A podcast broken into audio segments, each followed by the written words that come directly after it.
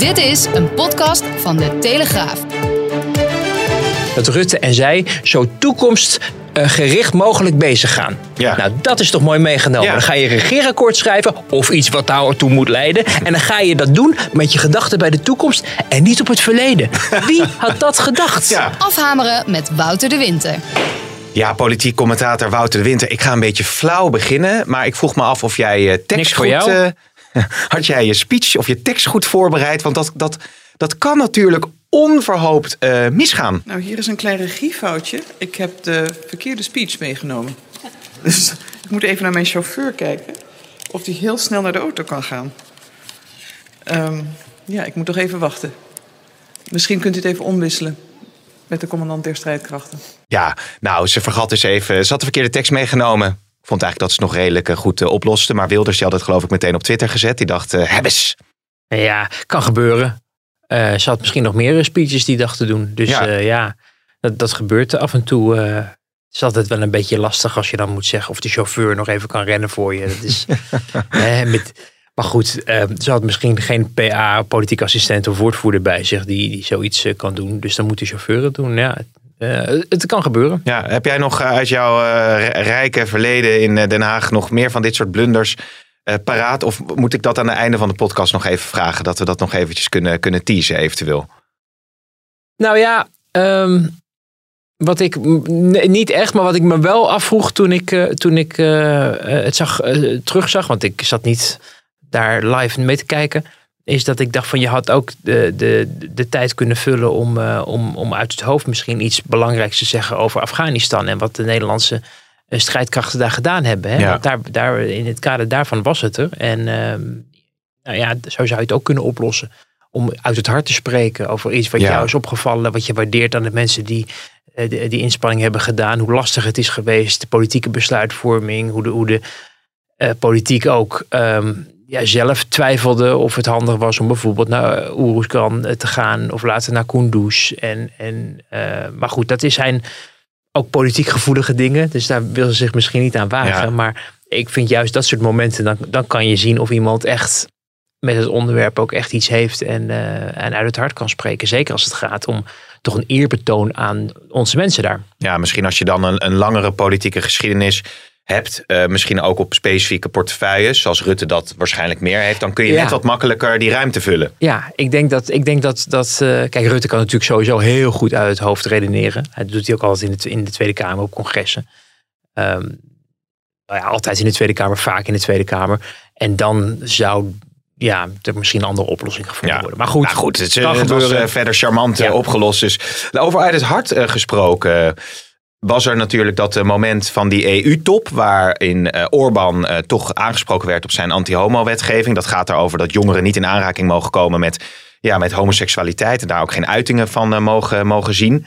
Ehm, Rutte die zei na die EU-top het volgende. Hij was emotioneel geraakt. Het was een, een zeer emotioneel pleidooi van Xavier Bettel uit zijn persoonlijke ervaring, zijn jeugd ehm, en hoe belangrijk het is voor jonge mensen die hun seksualiteit ontdekken, eh, die daar vragen over hebben, onzekerheden hebben, dat die zich vrij moeten weten om dat te doen. Het is soms wel ingewikkeld genoeg en als je dan ook nog de regering tegen je hebt die zegt, joh, tot je achttiende eh, willen we eigenlijk niet dat je daarmee geconfronteerd wordt of erover nadenkt. Of, of het zelfs gelijkstelt met pedofilie, eh, wat voor een deel van die wetgeving het geval is. Dat gaat alle grenzen te buiten. En dat persoonlijke verhaal van Xavier maakte op iedereen grote indruk. Er waren weinig eh, droge ogen in de Kamer op dat moment. Ja, al dus Mark Rutte. Het gaat natuurlijk over het feit dat Nederland zelf daar ook speelt. Het EK is aan de gang. Ja, wat kun je doen als, eh, als leider om, om eh, Hongarije verder onder druk te zetten? Wat, wat vind jij hiervan? Nou, het is wel een hele opvallende ontwikkeling. Eh, De, de toon die wordt aangeslagen vind ik, eh, vind ik heel bijzonder. Ehm, er is eh, niets op camera, maar ik begrijp tegen schrijvende media eh, zijn er ook woorden gebruikt van eh, we moeten Hongarije op dit punt op de knieën krijgen. Dat zijn eh, niet bepaald diplomatieke eh, woorden, waarvan ik me afvraag of ze he- echt heel erg handig zijn, omdat je daarmee eh, een hele natie eigenlijk van hetzelfde beschuldigt. En ik denk dat als de Amerikaanse president of de Russische president of de Franse president het zou hebben over het op de knieën krijgen van Nederland. Dat we ook al zijn we het niet eens met onze premier, wel zoiets hebben van hmm, Ehm, dat zullen we nog wel eens zien. Het deed me daarom ook een beetje denken aan die uithaal toen van een paar maanden geleden. Toen hij zei van het voetbalsupporters een bek moesten houden. En daar kwam hij dan later weer van terug. Want het was toch wel iets, iets te heftig.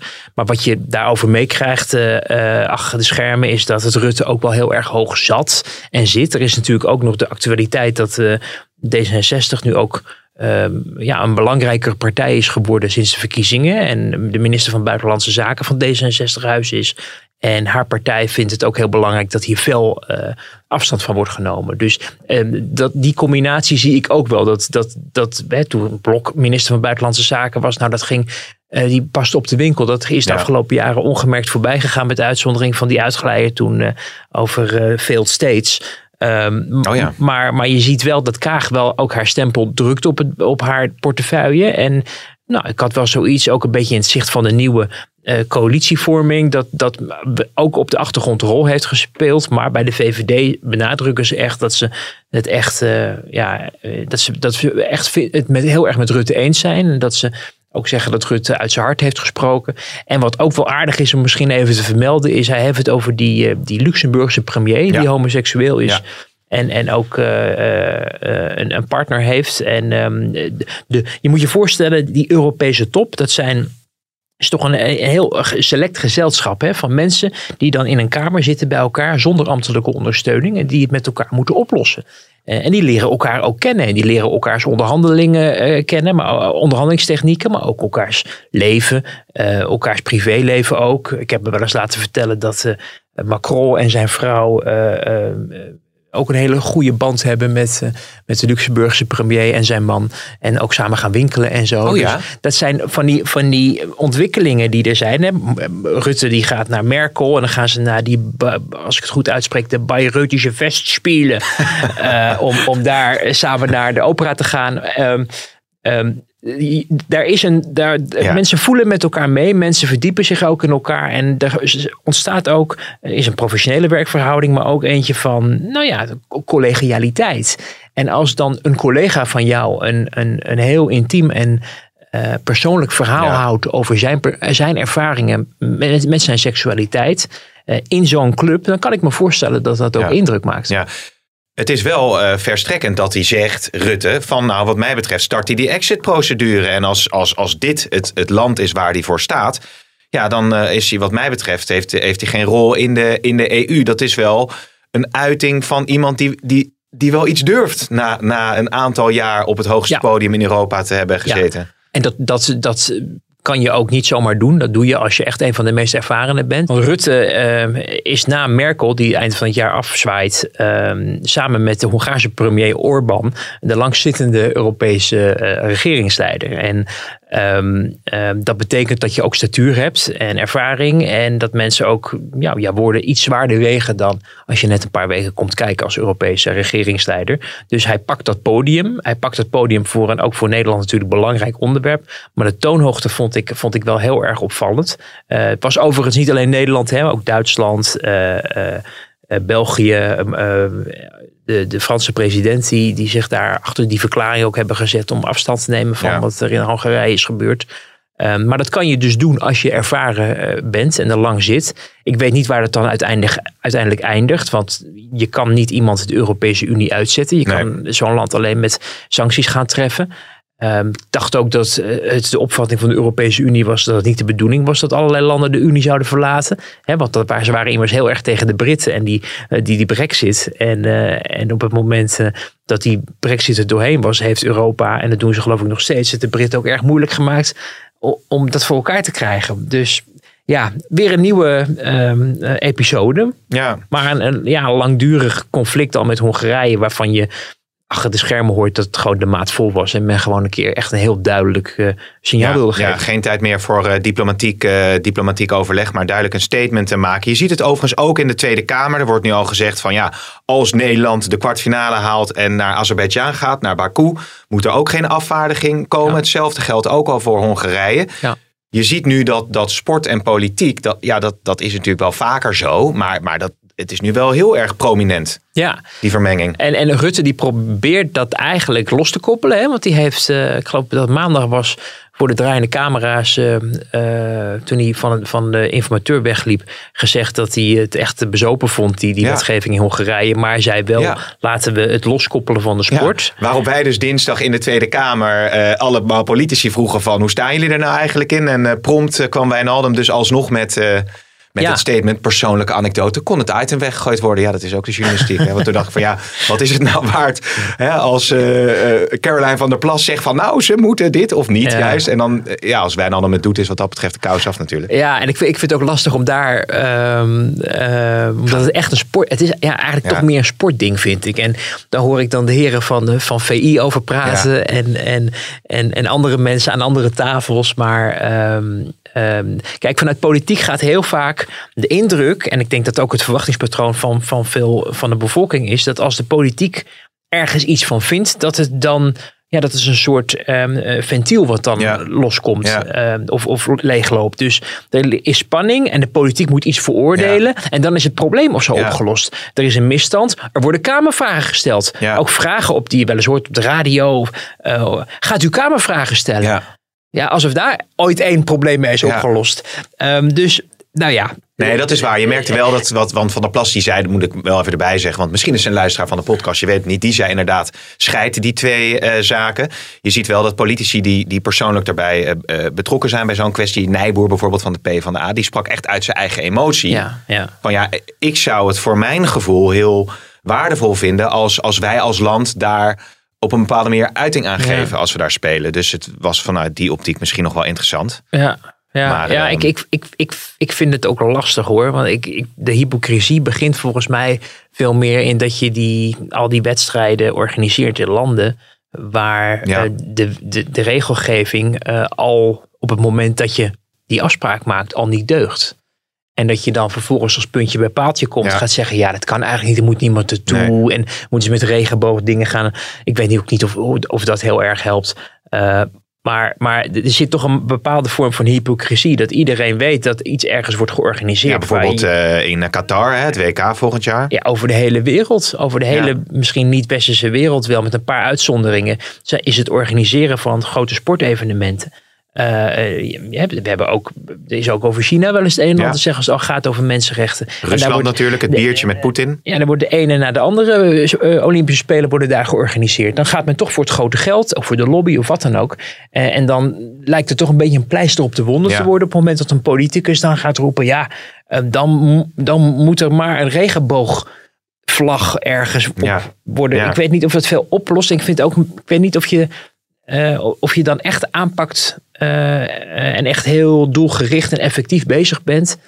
In plaats van dat je natuurlijk aan het begin van het traject kan zeggen: Nou, als Mm. we daar naartoe moeten, dan gaan we gewoon niet. Dus, we moeten, dus ik ga naar Boedapest of ik mijn regenboogsokken aan moet doen. Daar moet ik dus nog eventjes over na nou, eh, ze denken. zullen, ja, nou, ik zou dat wel. Ik zou eigenlijk voor jou een uitzondering willen maken op, op, op, op wat ik net heb gezegd. Want ik vind het heel belangrijk dat jij een statement maakt. Oké, Ja. ja. En nou, kijken, kijken of die Hongaren erin trappen. Ja, nou, dat gaan we allemaal meemaken. Dus de mensen, hou mijn social media aan de gaten, zou ik eh, willen zeggen. Maar laten we het over... ehm, ja, precies. het nu echt in de gaten houden. Ja, nee, exact. Ja, ik word er toch wel een beetje zenuwachtig van. Want ik was het eigenlijk helemaal niet, eh, niet van plan. Maar goed, eh, daar ga ik eens nog over nadenken. Laten we het hebben over ehm, den formatie. Eh, er was een, een vinnig debat deze week over. We- wel eigenlijk best grappig. Terwijl Hamer zei van nou, het moet allemaal wat losser. We moeten de vrolijkheid eh, terugkrijgen. Ja, dat liep uiteindelijk in een vinnig debat uit. Eén fragment wilde jij er specifiek uithalen. Dat was Marijnissen versus Kaag. Laten we eerst even luisteren. Ja, schiet mij maar lek, maar ik vraag u, mevrouw Kaag. Er hebben veel mensen op u gestemd uiteindelijk die een progressief kabinet wilden, inderdaad. Wat betekent dat voor u, concreet? Mevrouw Kaag. Ja, ik, ik weet, het kan aan de akoestiek liggen, kan aan mijn woordenkeus liggen. Ik heb net twee voorbeelden genoemd. Uitwerking van een klimaatuitdaging. Ik heb een voorbeeld genomen binnen de grote sector onderwijs. Ik heb leerachterstanden genoemd. Onderdeel van de oplossingen is kijken in welke wijken, waarom leren kinderen slechter. Het komt door de, door, door, ten dele eh, is het een gevolg van de opleiding en financiële omstandigheden van de ouders. Wat kunnen we daaraan doen? Ik heb een aantal voorbeelden genoemd. Ja, mevrouw Hamarijnis vindt die misschien niet leuk, maar ze zijn heel consistent met D66. Ze zijn praktisch. Ze staan in ons verkeer, in verkiezingsprogramma. Ze staan in de brieven aan de informateur. En ze horen echt bij een groot deel van uitwerking van uitdagingen die we hebben. Het hoort bij een groot deel van de uitwerking van de uitdagingen die we hebben. Een andere golden oldie die ik onze luisteraars niet wil ont- onthouden is dat op een gegeven moment door eh Kaag werd gezegd dat, eh, dat zij, als hij straks met Rutte aan tafel gaat om die proeven van dat regeerakkoord of die schets of, hè, want je mag het ook wel geen proeven noemen, want dan schiet ook iedereen in de stress al. Want stel je voor dat het een keer concreet wordt, dat ze zei dat Rutte en zij zo toekomstgericht mogelijk bezig gaan. Ja. Nou, dat is toch mooi meegenomen. Ja. Dan ga je een regeerakkoord schrijven of iets wat daartoe moet leiden. En dan ga je dat doen met, met, je, met je gedachten bij de toekomst en niet op het verleden. Wie had dat gedacht? Ja, En dat, dat, eh, nou daarom, ik, ik had van de week ook in mijn column geschreven, ehm, dagbesteding bij, bij informateur Hamer. Ehm, als, je, als je dat document leest, de, de, de platitudes die erin staan, de gemeenplaatsen, de dingen. Je kan ze inderdaad letterlijk uit de verschillende verkiezingsprogramma's eh, kopiëren. Maar ja, dan hadden we ook gewoon een paar studenten aan het werk kunnen zetten. die even een samenvatting van de verkiezingsprogramma's van een aantal partijen hadden kunnen maken. en overeenkomsten zoeken. Daar hebben we dit hele circus niet voor nodig van de afgelopen weken. En dat heeft mij wel verbaasd. eh, de, de continue. Eh, eh, ja, het, het, het normaal gaan vinden dat er eigenlijk niets gezegd wordt. Dat er in die documenten en, en, en ook in die, in die eh, bijdrage in, in de Kamer of in de persconferentie van Hamer er een indruk wordt gewekt alsof er iets heel onorthodox, briljants plaats heeft. Namelijk, we gaan het over de inhoud hebben. En daarna pas over de mensen en de poppetjes en de partijen. En uiteindelijk zijn we er in die belangrijke keuze, want die mensen moeten uiteindelijk straks met elkaar om de tafel een akkoord sluiten en het land besturen. Dan zijn we eigenlijk geen stap verder gekomen. nee. En, en het, het is iets typisch Haags. Het is ook typisch Polder. Het is typisch de SER. Grote rapporten schrijven waarvan mensen zeggen... oh, de SER vindt dit en de SER vindt dat. En daarna heeft niemand het er meer over. En ik zie dat nu ook in dat, in dat ellenlange document. Het, is, het hangt van gemeenplaatsen aan elkaar. Eh, en het, het, het draait ontzettend om de hete brei heen. En dat zag je ook in die bijdrages van, eh, van Kaag en, en Rutte. Ja, die, die kletst alles maar bij elkaar eh, in het kader van... er moet ook nog eens een kabinet komen. Ehm, maar de, de, ja, de, de, de, doen alsof er iets heel belangrijks gebeurt, ik vind dat. ehm, ehm, Ja. Nou ja, het, het stoort mij zoals je begrijpt. Maar, maar, maar wie, wie, wiens, wiens schuld is dit? Kun je, kun je nou concreet zeggen, want er wordt, er wordt vaak door Hamer gezegd als het gaat over, nou we zijn honderd dagen bezig en er is eigenlijk nog niks gebeurd. Ja, de Kamer die vroeg erom. De Kamer die wilde dat ik met jongeren ging praten, met ouderen ging praten, met, met brancheverenigingen ging praten. Was het maar waar. De Kamer vroeg dat ze met jongeren ging praten, maar niet met ouderen. Nee. En daar kwamen ze later, moest dat dan ook gebeuren. En toen kwamen er acht organisaties langs. Die iets over Ja. ouderenbeleid gingen zeggen. Weet je? En de koning van de Efteling en al die andere mensen. eh, Moest je kannibaal trouwens, nu we het toch over de Efteling hebben. Ja, ik was al bang dat als ik het woord Efteling niet val, dat jij weer in de stuip schiet om Ja. het eh, daar weer over te hebben. Maar dat doen we niet, Oh. Kim Pim. Dat doen we, doe dat maar bij Valentijn Heb je wel eens in de moesje kannibaal gezeten eigenlijk? Ja, af. ik word er altijd misselijk in. Oké, En ik, en ik voelde mee voor die mensen die daar bij die, bij die kookpotten stonden. Ja. Want het vers- verdomde nummer de hele dag lang. Monsieur Cannibal. En echt, je voelde mee, je stond in die rij voor dat ding. Een half uur of een drie kwartier. Ja. En je werd er toen al gek van. Ik denk, je zal hier maar de hele dag moeten staan. In zo'n... in- Nou. Maar je hebt het erover, hè? Dus Ja. wat dat betreft... eh, Dan nee. geef me dan maar Fata Morgana. Want dat, dat, misschien kunnen we dat nog onder monteren. Eh, straks. Exact. Nou ja, goed. Eh, het, het gaat- ja, er zaten veel clubs bij Hamer. Ja, en, en, en jij vroeg wie, wiens schuld is dat nou? En dat is de schuld van de Tweede Kamer natuurlijk. Want die heeft de informateur op pad gestuurd. Die heeft ook gezegd, eh, je moet dit en dit en dit doen. en Daarop letten. En baseer je op eerder verschenen rapporten. En doe alles wat je nog meer noodzakelijk acht om het te bereiken. Ja, als je dat op gaat schrijven in een motie, dan kan iedereen dus alles Ja. doen en iedereen uitnodigen. En daardoor wordt dit een, een slepend proces. En ehm, de, de, de hoofdverantwoordelijkheid ligt bij de verschillende partijen zelf. Uh, maar ik meen toch ook dat je ook van een procesbegeleider als de informateur. ehm, nou ja, die is toch, het, het, het straalt ook op haar af. Zij is Ja. er ook niet in geslaagd om een doorbraak te forceren. En dat heeft misschien ook met haar aanpak te maken. Die vrouw en die informateur, eh, in dit geval is een vrouw, het kan ook een man zijn. eh, is het, is het, ja, die, die staan op een soort podium, daar mag je geen kritiek op hebben, want die worden door de Tweede Kamer immers bedacht. En ja, als zodra de Kamer kritiek heeft op de informateur, hebben ze eigenlijk kritiek op zichzelf. Maar wij als buitenstaander mogen, vind ik, daar best wel wat van zeggen. Want ook zij is daarin niet effectief gebleken. Eh, en, en ja, ze mag toch door. Ehm, ook omdat ja, er volgens mij niet veel andere mensen zijn die in aanmerking zouden kunnen komen om dit proces wel de goede kant op te sturen. Ja, want wat is dan de volgende stap? Hè? Half augustus wordt uh, genoemd. Ga, gaat, is dan echt duidelijk wie met wie het gaat proberen? Nou, dat Want is, je hebt nu ook de komende weken nog. Tot de zomer Ja. moet er wat gaan gebeuren. Ja, het is, het, is, het is vaag en we doen daar veel navraag naar. Er worden van dat soort werkafspraken wel ook gemaakt. Er zijn, je hoort ook verschillende eh, eh, ehm, beschrijvingen van. Ook bij de partijen die aan tafel gaan. Hè? VVD, eh, D66, maar ook partijen als CDA. Die ja, toch ook geacht worden een beetje mee te kijken. Op de hoogte gehouden te worden. Wat Ja. daar zich binnenskamers allemaal ehm, afspeelt. En ook dat die VVD en D66 rekening houden met de wensen van die andere Ja. partijen. Want je kan niet een, een typisch VVD D66 liberaal regeerakkoord schrijven als je hoopt dat andere mensen zich nog aansluiten Ja. daarbij. Ehm, dus, dus nou, er is dus nog wat, wat contact. Maar dan hoor je van ja, we gaan ook echt zelf wel stevige onderhandelingen voeren met elkaar. Want Kaag is toch een heel ander iemand dan Rutte. Ehm, nou, we moeten dus zien of dat gaat gebeuren inderdaad. Want Rutte heeft de neiging om nogal veel weg te geven bij onderhandelingen. Als hij niet door andere mensen erop wordt gewezen dat hij dat niet moet doen. Oh ja? Ja, dat hebben we gezien Oh, bijvoorbeeld bij natuurlijk met de 2. inkomensafhankelijke Ja, dat werd zorgpremie. het ja. verkeerde kaartje getrokken van het Ja. kaartspel van Ja. Wouter Bos en Henk Kamp. En hoppakee, eh, nivelleren we hadden we afgesproken. Dus ehm, hij moet daar ehm, eh, ja, toch ook wel iemand eh, in zijn team hebben die hem daarop wijst. En Sofie Hermans was vroeger zijn, zijn politieke assistent, zijn, ja, zijn tassendrager, kunnen we, want dat heeft ze Mhm. vast gedaan ook destijds toen, toen ze voor hem werkte. Eh, en Mark Harbers, ja, die is, eh, die is ook al inmiddels 100 jaar in Den Haag. En eh, onderscheidt zich niet op zijn bestuurlijke kwaliteiten. En misschien ook niet eens zozeer op zijn volksvertegenwoordigende kwaliteiten. Maar meer om zijn loyaliteit aan Mark Rutte, aan de VVD. Ik weet niet of dat de mensen zijn die het verschil gaan maken in het verdedigen van ehm, de VVD-stem, de rechtse stem, waar toch door rechts wel naar gekeken wordt. Want Kaag gaat natuurlijk proberen het zo progressief Ja. mogelijk voor te geven. Ja. Dus dat wordt nog wat. En ehm, ik weet niet of daar eh, per se een heel goed resultaat uit gaat komen. Nee, precies. Dat is wel interessant natuurlijk. Overigens, als die, die, die schets gemaakt wordt hè, tussen eh, met Rutte en Kaag, wat, wat, wat, wat, wat zetten ze dan bovenaan eigenlijk? Heb je, Nou, ze, hebben, ze gaan werken volgens dat schema van eh, wat Hamer heeft opgesteld. Oh ja. En dat Ja, ja. begint geloof ik met punt 1. Met, het, eh, met, een titel, ik weet precies de titel niet uit mijn hoofd, maar het wordt inclusief of inclusieve samenleving. nou, dat klinkt al als heel Daar- VVD-achterban.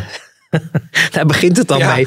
Ja, maar goed, dat is dus de, dat is hè, de, de informateurs privilege. Die kan, eh, die kan zelf natuurlijk bepalen welke volgorde ze aanbrengt in, in Ja. wat de mensen tegen haar gezegd hebben. Nu werd overigens wel van het gezegd van nou, inclusief betekent niet per se eh, eh, de, de B1-agenda, maar meer de agenda van eh, mensen aan het werk krijgen, dat soort zaken. Ja. Eh, maar, maar goed, ehm, Maar je schrijft dus eigenlijk weer om die hete brei heen. En op een gegeven moment ga je die hete brei opschrijven. En dan is het, zou je vrij snel kunnen weten, hè, als het gaat over bijvoorbeeld eh, ethische kwesties of, of over klimaat. Ja, dan kom je. Dan, dan, dan moeten de dat- passages worden geschreven. En dan weet je eigenlijk vrij snel. Nou, maar dat is dus interessant dat je dat punt aan. Want dat is precies het punt wat ik ook tegen een D66 aanhield deze week. Eh, want die zei van ja, we, we, gaan- een ak- akkoord of een, of een schets op hoofdlijnen maken. Eh, juist een regeerakkoord op hoofdlijnen was toch de bedoeling. Hè? Dat wilden we toch allemaal Ja. met de nieuwe bestuurscultuur. Dus dat betekent dat zoiets als medisch-ethische kwesties daar niet in hoeven te staan. Want dat kunnen we prima aan de Kamer overlaten. Ja, dank je de koekoek dat D66 dat, eh, eh, dat zegt. Want die weten dat er een, een meerderheid over links, maar ik denk ook wel met de VVD overigens hoor. Maar eh, die, die, die, die medisch-ethische kwesties hun kant op, op kan laten vallen. Ja. Waarop ik zeg, ga je dat dan ook, geldt dat ook voor het asielbeleid? Want dat hoeft ook niet dan in een regeerakkoord op hoofdlijnen. Dat kan je ook aan de Tweede Ja. Kamer overlaten. Nou, toen was het stil. Ja. Ja, want dat wil D66 dus wel vastleggen, omdat ze weten dat er een meerderheid over rechts Ja. eh, voor het, eh, de asielkoers te halen is. En, en niet over links en dus niet de D66-agenda. Ja, dat wordt wel een van, of een van de vele heikele punten ehm, waar vroeg of laat toch eh, mensen zullen gaan bloeden. Politieke partijen die zich willen aansluiten zullen zeggen van ja, dit accept, kunnen wij niet accepteren. Eh, zowel ter linkerzijde als ter rechterzijde. Dus dit is weer een tussenstap. Daar gaat weer tijd overheen. Er is ook wel een hoop bij partijen dat als je wat extra weken voorneemt en die vakantie, dat mensen tot ja, bij zinnen zijn gekomen. Misschien ook niet meer zo uitgesproken zijn. Over een schaduw heen willen springen of stappen. En dat het dan misschien iets makkelijker gaat om met elkaar Ja. Het eens te worden. Maar wat precies de tijdspad is, dat is dan nog onduidelijk. Waarvan je Ja. dus ook zou kunnen zeggen, je kan ook zeggen, ik prik een datum en ik wil voor die datum gewoon duidelijkheid hebben als informateur. Want dan zet je de druk automatisch op die partijen om daarvoor iets te leveren. Ja, wij zijn ook wel mensen die Mariette Hamer goed kennen en ook zeggen, ehm, nou, zij vindt het ook niet zo erg dat het allemaal zo lang duurt. En waarom is dat dan? Nou, omdat zij daar ook wel een beetje van geniet. Ze Nee. staat centraal nu Nou, in, in, zou in, dat? de, in de... Nou, ik, zeg, ik verzin het niet. Oh nee, dat zeggen mensen. Ik zeg mensen die, die komen natuurlijk uit de PvdA, die mensen. Want Ja. die kennen haar goed. Die hebben daar, die is, draait al lang mee daar. En die er ook wel van weten dat zij inderdaad eh, ook een tactiek kan hebben om mensen eindeloos met elkaar te laten Krijg je praten. per uur betaald eigenlijk als informateur? Ik weet niet volgens mij, ik weet niet of je betaald krijgt. Je krijgt volgens mij wel een, een iets van een, eh, eh, je krijgt wel een auto geloof ik. Ja? Of een auto moet ik zeggen. Eh, ik heb ooit ologopedie gehad mensen. Dat, Je dat had u nooit geraden. Het is maar toch het is heel, heel veel werk. Je zou daar toch wel iets van een vergoeding voor moeten krijgen, zou je zeggen. En dan zou je zeggen hoe lang het Nou, duurt. De, de, de baas van de SER, die, die ho- Nee. ho- ho- hoeft niet s'avonds de, de zegenboekjes van Albert Heijn vol te plakken Nee. om, om, om rond te komen. Nee, Dus, Oké, nog één punt wat ik, er, wat ik erbij wil halen. Is dat eh, je in het debat zag waar dus eh, de handschoenen uitgingen. Dat Wilders viel Kaag aan. En Rutte nam het voor Kaag op. Voorzitter, wat, wat zei de heer Wilders nou mevrouw, over mevrouw Kaag en haar sympathie voor IS-strijders? Kan hij dat nog even herhalen? sympathie voor? IS-strijders, dacht ik. Of voor terroristen. Ze zei er iets. Hij zei er iets over. Ja, Niet nou het feit dat zij, en diezelfde sympathie geldt voor u. Het feit dat zij ehm, ISIS-strijders naar Nederland halen, omdat ze zogenaamd zielig zijn, omdat het vrouwen zijn die daar naartoe zijn gegaan, dat die naar Nederland moeten komen, is een, is een, is een walgelijke actie. En ehm, dat kan je alleen maar doen als je er sympathie voor hebt. U haalt allemaal terroristen uit Syrië naar Nederland toe. U maakt de straten hier onveilig. En dat is walgelijk en onverantwoord beleid. De heer Rutte. Ja, voorzitter, dat is allemaal larikoek. Maar het is dus niet zo dat eh, de heer Wilders, en dat dacht ik hem te horen zeggen, in de richting van mevrouw Kaag zei. Dat zij eh, een soort liefhebber is van, of een aanhanger of een steunpilaar is van terroristen. Ik vond dat wel opvallend. Hè? Wilders die natuurlijk uithaalde richting Kaag. Maar ook dat Rutte het zo ferm voor haar opnam. Het lijkt er wel op alsof die twee... Dat, dat, dat het nu wel echt aan is. Ja, ik, nou, het is uh, uh, Rutte heeft het ook tijdens een televisieuitzending. Uh, op het vierde net ooit wel heel duidelijk in de verkiezingscampagne voor Kaag opgenomen, merkte ik aan den lijve. Ja. Uh, maar dit ging natuurlijk ook over een kabinetsbesluit om, om die mensen hier naartoe te halen. Wat uh, niet alleen door de minister van Buitenlandse Zaken genomen is, of destijds nee. nog de minister voor Buitenlandse Handel was. Maar um, uh, ook gewoon door andere partijen die, die, die in het kabinet zitten. Het hele kabinet is verantwoordelijk. Ook Rutte. Rutte heeft er ook zijn zegen aan gegeven. En hij kon dus ook vanuit het hart wel uh, beredeneren waarom dat een goed besluit was. En waarom Wilders volgens hem niet gelijk zou hebben. Uh, maar je ziet wel dat men in, die, in dat samenwerkingsverband inderdaad VVD, D66, maar ook het CDA uh, aansluitend. En zelfs misschien wel bij de linkse partijen af en toe ook elkaar uit de wind houdt. Elkaar niet al te hard aanvalt. Uh, omdat men in het achterhoofd heeft dat men het toch samen zal moeten doen. En dat is natuurlijk het sterkste voor VVD en D66. Ja, precies. Overigens nog tot slot denk ik, want dan gaan we weer...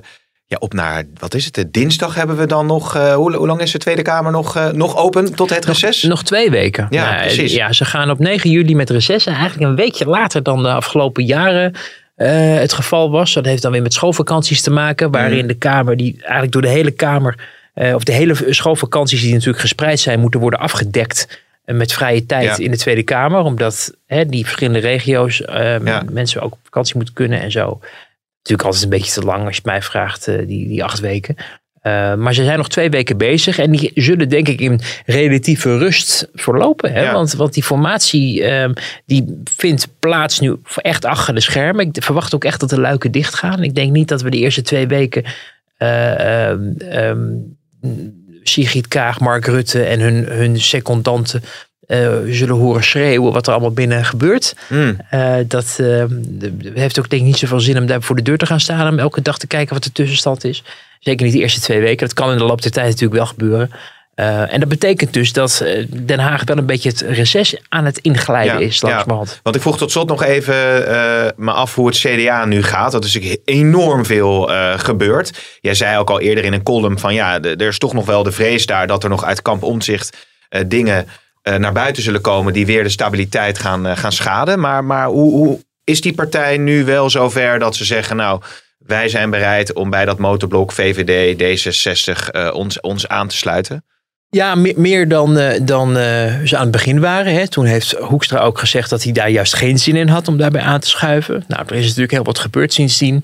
Hoekstra heeft zijn handen vol aan zijn eigen partij momenteel. Er is, eh, er is nog steeds veel eh, uitleg nodig achter de schermen. Het, het, het broeit ook nog in de achterban. Er zijn mensen die zeggen dat dat congres eh, wat in september dan gepland staat, dat het allemaal niet goed is. En ze hebben rechtszaak aangespannen dat het allemaal eerder moet. En, ehm, maar goed, tienduizenden leden heeft het CDA. Dus het is altijd heel belangrijk om, om wel af te wegen van hoe representatief is dat nou voor het hele CDA. Je hebt Ja. in elke partij heb je, heb je mensen die iets vinden. Eh, ook in het ledenbestand en die zich dan laten horen. En al snel de megafoon van de media krijgen op het moment dat er, dat er gezeur is. Nu is het CDA geen PvdA. Dus het verzet is doorgaans mm, ja, minder duidelijk waarneembaar als bijvoorbeeld bij de PvdA, waar ze gewoon de partijleider een paar weken voor de verkiezingen naar huis willen sturen.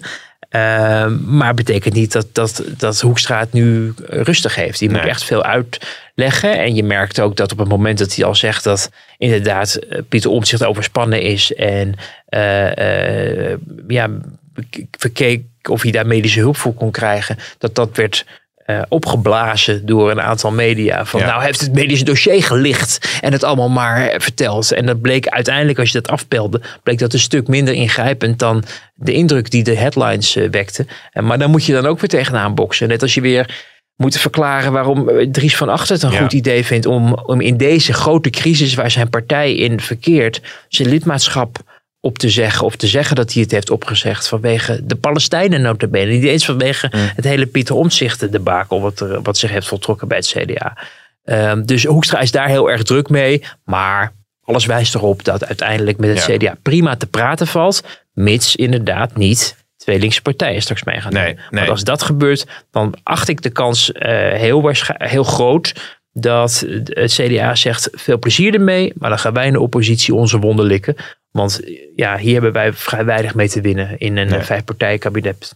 Oké, helder. Dan gaan we naar een afronding toe. Heb jij de corona-app, eh corona-check-app al Ja, gedownload? ja, is ja. het je gelukt? Ja. Is het je gelukt? Het is mij gelukt, het duurde wel even, eh, want het was heel druk. Maar ik, ehm, ja, ik, ik, eh, ik, eh, ik, heb hem, eh, ik ben ook voor de tweede keer geprikt van de week. dus jij, jij, jij hebt echt al het bewijs dat je twee keer gevaccineerd Nou, je krijgt dan, nee, je krijgt gewoon, ik zal het je laten zien. Je kan het, je kan het openen. Ja. En, Voor de mensen, Wouter pakt nu zijn telefoon. Ja, en dan, dan kijk, dan krijg je, moet je dus aanpassen.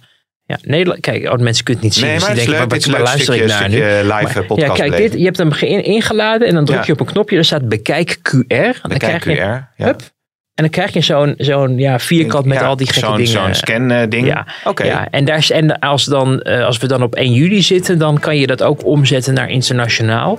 Staat er aanpassen aan internationaal. En dan krijg je zo'n ding waarmee je de grens over kan. Wat fijn, wat fijn. Nou, dat is toch mooi dat Hugo de Jonge eh, dit positief nieuws naar buiten kan brengen. De Delta-variant hangt nog boven ons hoofd. Dus Ja. er zal ongetwijfeld in de toekomst nog heel veel over corona te doen zijn.